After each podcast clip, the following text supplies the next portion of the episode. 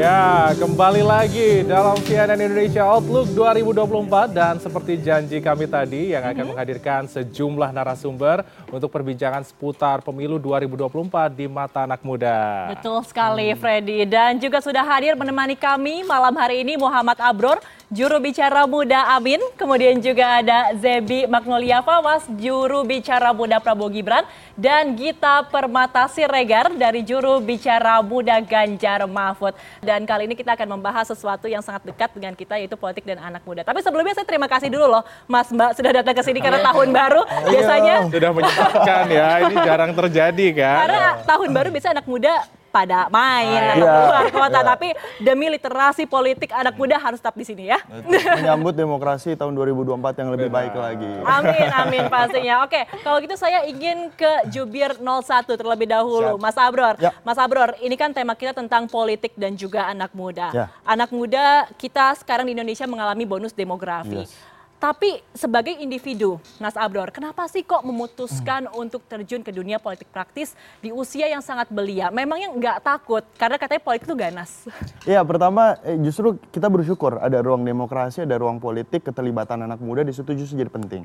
Tapi kita ingin menggarisbawahi bahwa proses politik, proses uh, demokrasi yang akan sebentar lagi kita hadapi tahun 2024 itu adalah ruangnya anak muda memiliki proses Oke. Itu ya, yang kita sebut dengan proses meritokrasi, proses yang mengembangkan kita, proses untuk ikut mengabdi pada masyarakat. Karena sejarah kan mencatat ya bahwa seluruh eh, gerakan kepemudaan itu semuanya terlibat dalam proses perubahan sosial ataupun demokrasi di Indonesia ataupun dunia. Nah, justru kita bersyukur di sini kita punya ruang eh, untuk ikut berpartisipasi un- untuk ikut mewarnai ya eh, dengan cara-cara kreatif, caranya anak muda, caranya untuk kita berproses dan ya sekali lagi ini adalah it's time untuk kita membawa perubahan. It's our eh, time ya. gitu ya Mas Abrol ya. Kalau Iya. dari Mbak Zebi gimana Mbak? Ya kalau saya sendiri sih saya percaya dengan hukum eh, 10.000 jam. Jadi di mana seseorang akan menjadi ahli dalam bidangnya bila sudah memenuhi 10.000 jam tersebut. Nah tentu saja untuk mengejar jam tersebut, makanya saya memulai dari usia yang bisa dibilang sangat belia ya gitu. Dan juga kalau misalnya eh, saya sendiri memang tujuannya pasti ingin menjadi ahli dalam bidang. Nah bidang yang saya geluti kan juga politik, ingin menjadi politisi ulung ataupun ingin menjadi ahli dalam bidang politik. Tapi juga itu bukan tujuan utama. Jadi eh, kalau misalnya eh, tujuannya adalah sebenarnya salah satunya itu panggilan juga, Oke. calling. Jadi saya sendiri eh, dengan teman-teman saya pada saat duduk di perguruan tinggi itu juga mendapatkan kesempatan untuk mengadvokasi dan juga mengajar masyarakat di daerah Jakarta Utara, tepatnya di Cilincing. Nah izinkan saya bercerita sedikit aja. Jadi waktu itu saya ketemu dengan seseorang yang bernama Ibu Siti. Ibu Siti ini adalah seorang warga Jakarta Utara, dia adalah seorang janda dan juga memiliki anak asuh yang sangat banyak. Tapi kenyataannya Ibu Siti masih harus menghadapi masalah-masalah hak-hak dasar, yaitu sanitasi ataupun kekerasan seksual. Nah, saya merasa proses yang paling efektif adalah melalui proses politik karena bisa memberikan perubahan dan juga bisa memberikan bantuan kepada Ibu Siti. Jadi bayangkan masih banyak ibu-ibu Siti lain yang bisa saya bantu dan salah satunya itu memang harus lewat proses politik karena ujung tombaknya adalah kebijakan publik.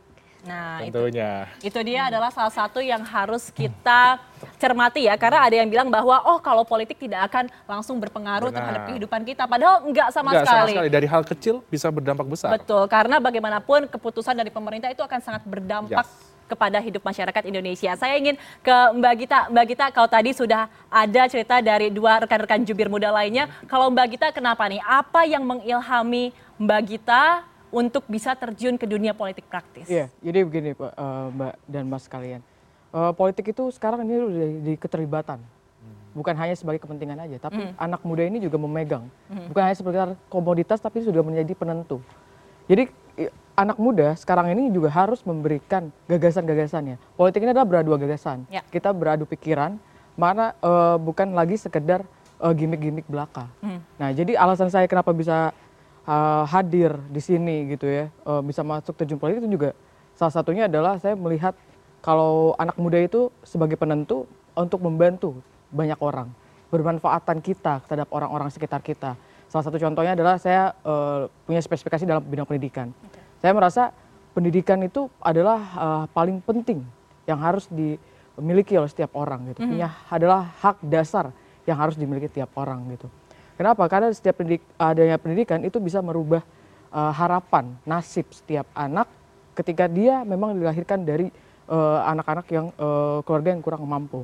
Tapi salah satu nasib dia bisa berubah karena adanya akses akses yang sama terhadap pendidikan.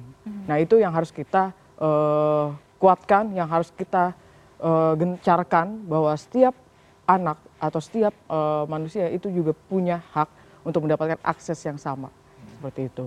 Ya, saya sependapat juga setiap orang punya kesempatan dan juga eh, hal yang sama juga dalam meraih pendidikan apa pun itu, apalagi anak-anak muda juga ya. Betul. Nah, kalau berbicara tentang politik ini sebenarnya juga dinamis kan ya, karena kondisi politik ada politisi senior-senior juga yang sudah melanglang buana sebelum Mbak Mas di sini kan. Iya, iya. Nah, sebagai jubir-jubir muda atau politisi muda, apa sih tantangannya ketika menjalankan tugas sebagai jubir muda dari pasangan calon masing-masing?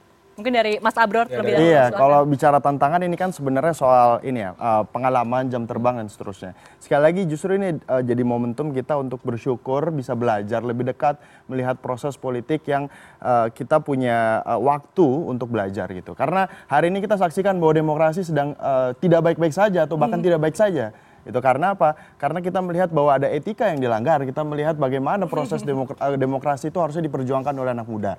Nah, ini adalah ada proses eh, apa ya? Proses belajar dan kita harus memanfaatkan itu secara baik. Oke. Perihal itu ada senior ataupun juga ada eh, apa ya politisi yang sudah memiliki jam terbang lebih banyak itu justru kita bersyukur untuk bisa belajar lebih dekat dan eh, ini harus diwarnai dengan cara-cara kreatif. Karena yang membedakan anak muda dengan eh, generasi-generasi sebelumnya adalah semangat perubahan, semangat untuk membawa hal-hal baru yang penuh dengan kreativitas. Oke, saya ingin ke Mbak Zebi ya. Kalau tadi Mas Abror sudah mengatakan bagaimana semangat perubahan. Nah, Anda ini eh, seperti apa nanti sebagai jubir muda? Karena bagaimanapun kalau kita membicarakan kontestasi politik, eh, paslon Anda ini kan lagi banyak isunya saat ini ya.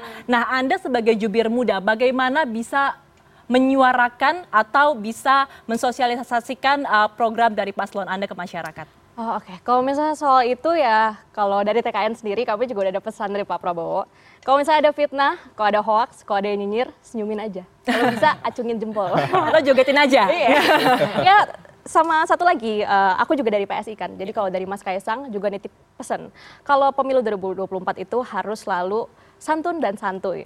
Jadi kita memang tujuannya, pesan kuncinya itu ya emang politik riang dan gembira. Karena kita riang dan gembira, kita juga semangat untuk melanjutkan program-program Pak Jokowi.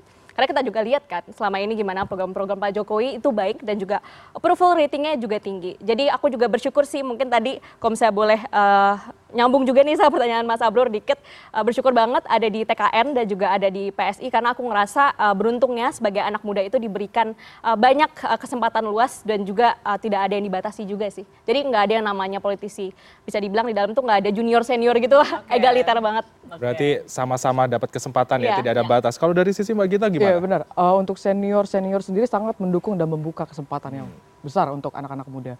Terlebih eh, capres saya Pak Ganjar, Pak Ganjar juga memberikan ruang yang besar untuk anak-anak muda. Dia memberikan akses yang sama, keterlibatan un- eh, untuk dibuat di TKN kita itu TPN, tim pemenangan nasional itu ada TPM, tim pemenangan muda. Nah itu khusus untuk eh, mendongkrak suara-suara anak muda, bukan hanya sekedar instrumentalisasi dalam pemilu, tapi ini juga sebagai eh, menyerap aspirasi-aspirasi dari anak-anak muda. Jadi kalau Bapak Ibu sekalian eh, tahu tentang salah satu program Pak Ganjar itu adalah Lapor Gup. Lapor Gup itu salah satu eh, wadah aspirasi Pak Ganjar yang memakai eh, sosial media untuk menyerap aspirasi-aspirasi dari masyarakat tanpa harus melewati lurah, RT dan segala macam ya. Jadi bisa langsung lapor ke situ. Pak Ganjar sendiri yang membalas tanpa ada adminnya sendiri. Nah itu juga memberikan pola pandang eh, birokrasi. Pola pandang birokrasi kalau digitalisasi kita ini memang harus dekat dengan teknologi dan ini memberikan eh, sisi yang konstruksif dalam eh, kampanye-kampanye anak muda.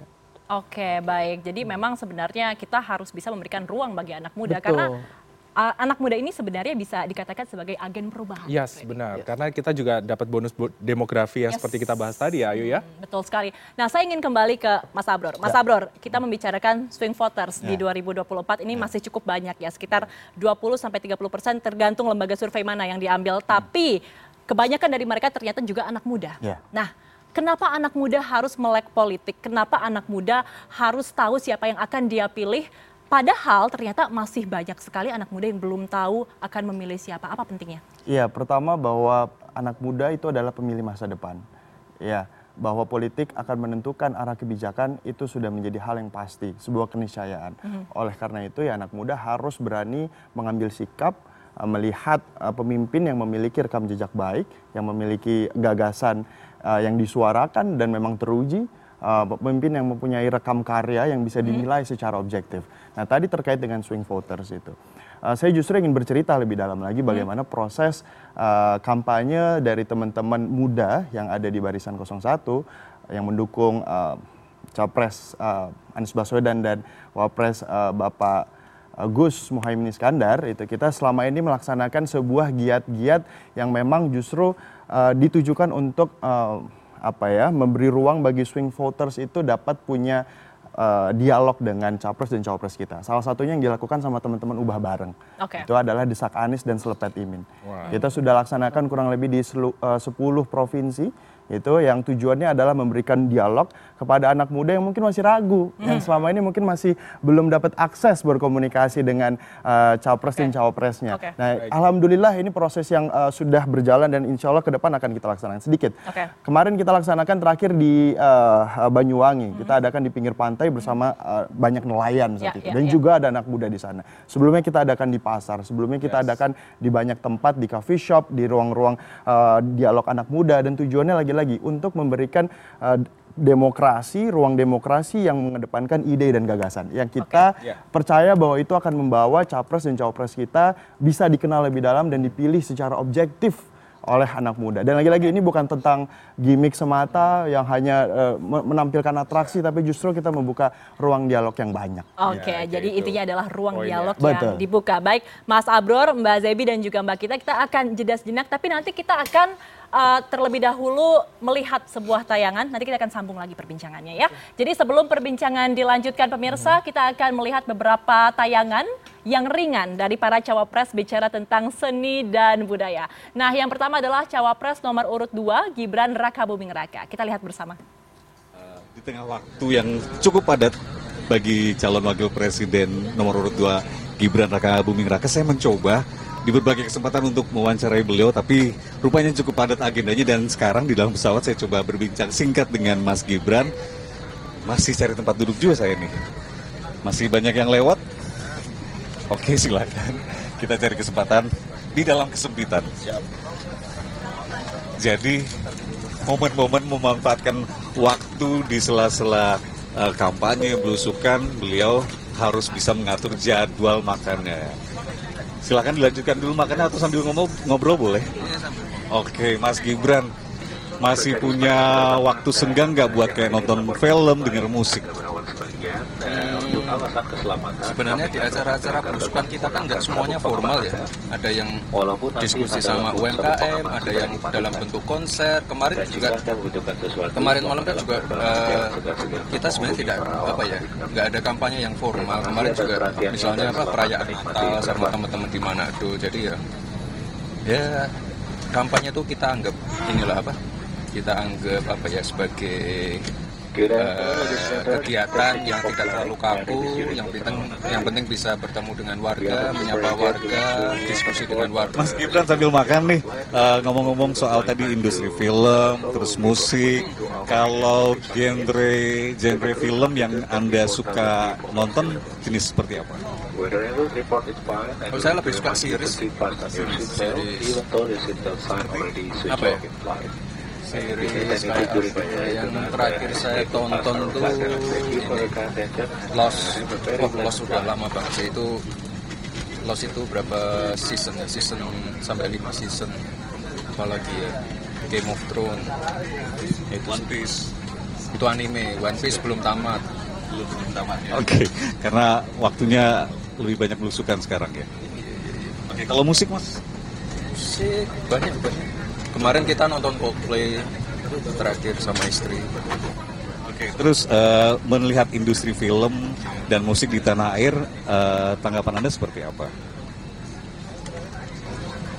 Habis COVID itu kita punya ini ya, apa?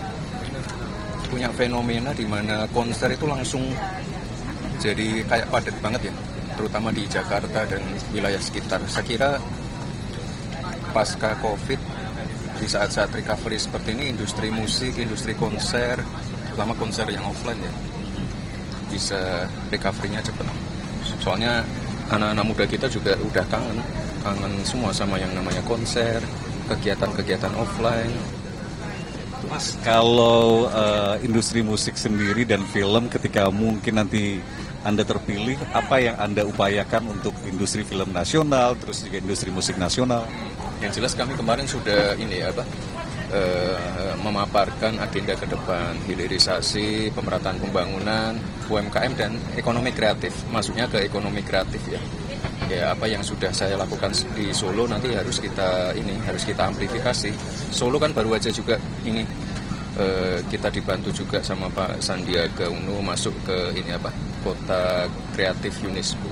Nah ini kan harus kita tingkatkan terus musiknya, terus apa performing artnya kita harus genjot terus. Anak-anak muda kita kreatif semua. Tadi kan kita ketemuan dengan teman-teman kreatif di di apa Manado luar biasa sekali. Kita perlu ini sih perlu banyak mendukung anak-anak yang punya jiwa entrepreneurship, kepanasan ya mas ya. Hasilnya hidup ya. Bisa bantu. Oh.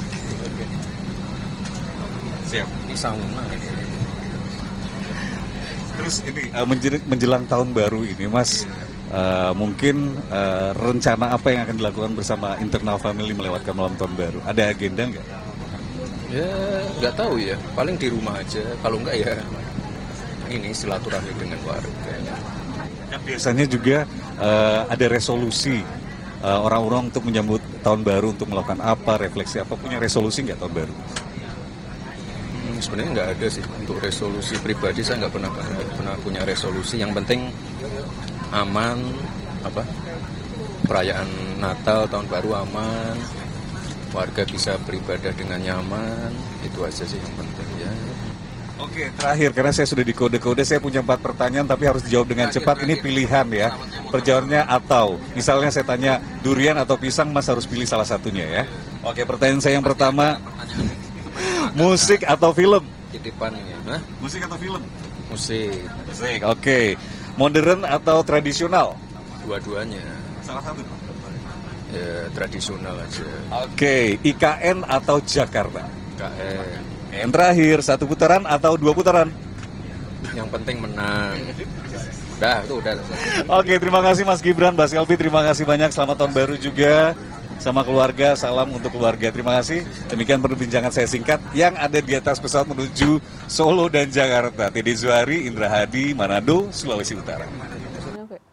Ya, usai jeda kami akan kembali pemirsa. Dan tetaplah di CNN Indonesia Outlook 2024.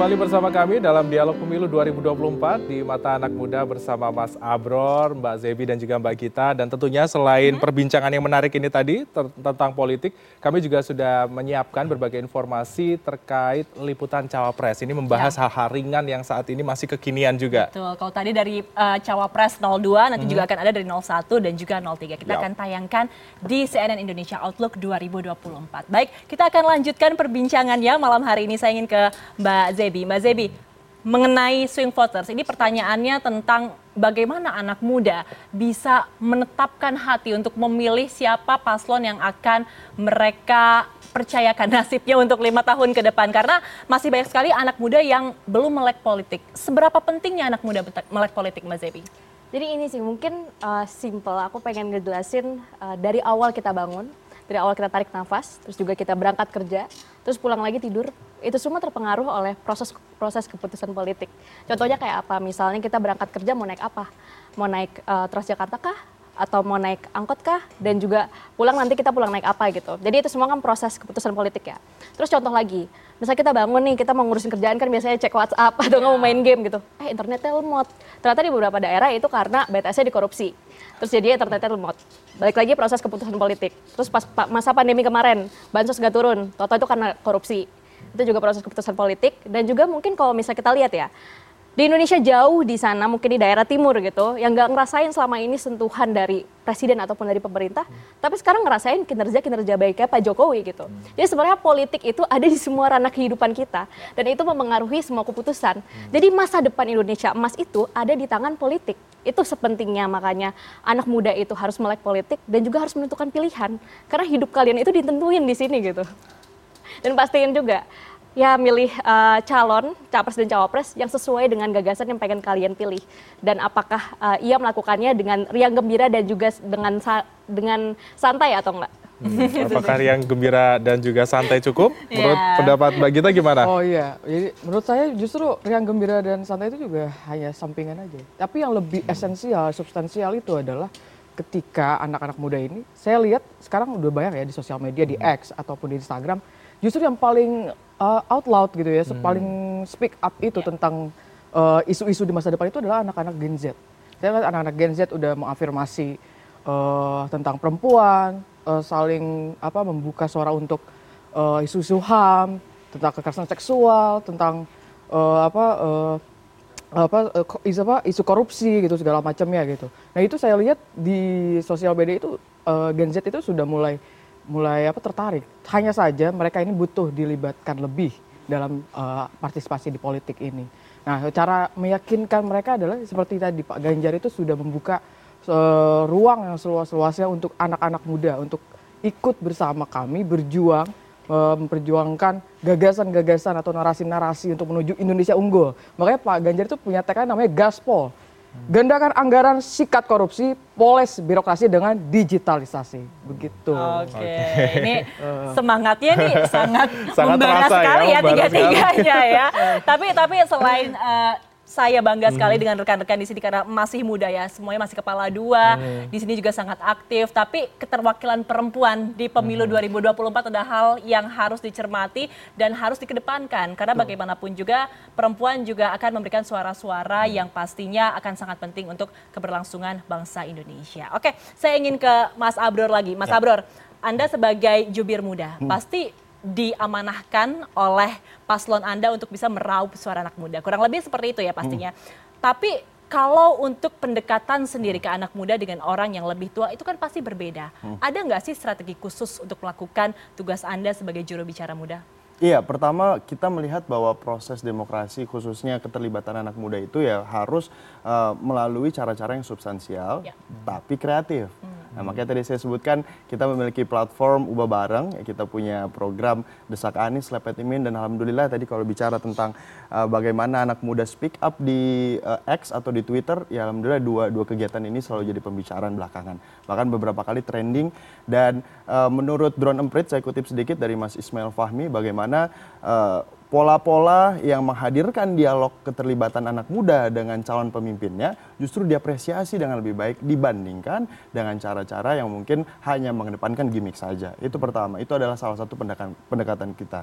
Kedua adalah banyak sekali sebenarnya eh, gerakan-gerakan organik yang tumbuh, hmm. yang justru semangatnya dari uh, teman-teman yang selama ini punya keresahan untuk membawa perubahan, begitu ya. Kayak kemarin uh, masih di tentang Twitter atau X gitu. Saya tadi baru scrolling uh, sekarang tumbuh bagaimana teman-teman dari K-pop, fans K-pop itu uh, membawa gerakan untuk mendukung uh, Pak Anies ya. melalui cara-cara uh, kreatif. Bahkan ada yang mau membuat uh, apa namanya food truck ya food truck uh, di kegiatan-kegiatan kampanye di daerah. Terus kemudian ada akun-akun yang uh, memberikan pandangan-pandangan anak muda secara kreatif gitu. Bahkan ada juga inisiasi organik di mana mengumpulkan teman-teman uh, yang punya keresahan yang sama uh, untuk menyebarkan informasi yang benar tentang uh, Pak Anies dan Gus Muhaimin di sosial media hmm, hmm, yang selama ini mungkin didominasi oleh kampanye-kampanye uh, artifisial yang uh, di dihembuskan oleh buzzer gitu. Jadi ada sekelompok uh, anak muda yang membuat gerakan untuk memproduksi video-video jedak-jeduk tapi okay. isinya tentang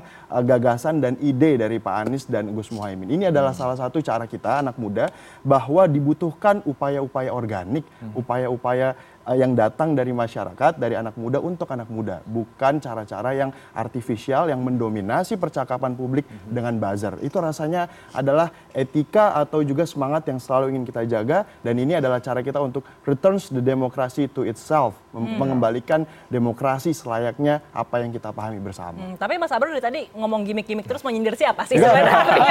bukan, bukan, soal bukan soal, bukan soal nyindir ini adalah cara kita untuk mengingatkan bersama. Ini kan ruang Oke, demokrasi. siap, siap. Oke, siap, reminder siap. itu penting ya. Ayo juga Mas Abro. Tapi kalau misalnya berbicara tentang terjun langsung yaitu tadi dengan uh, melalui media sosial dan juga digital. Untuk dari pasangan 02 sendiri apakah ada strategi khusus untuk menyampaikan ide-ide atau program-program gagasan kepada masyarakat? Ya kayak tadi aku bilang ya, mungkin eh, nggak kerasa kesindir sih karena kata Pak Prabowo ya senyumin aja kalau nggak acungin jempol kan. Tapi satu lagi, eh, mungkin kalau misalnya apa strategi yang memang ingin diberikan ya kepada kayak tim TKN gitu. Kalau dari Pak Prabowo sendiri sih eh, ya goalsnya itu persatuan Indonesia. Jadi selama ini kalau misalnya orang-orang bilang gimmick, gemoy, itu semua tuh sebenarnya organik. Jadi bukan datang dari Pak Prabowo.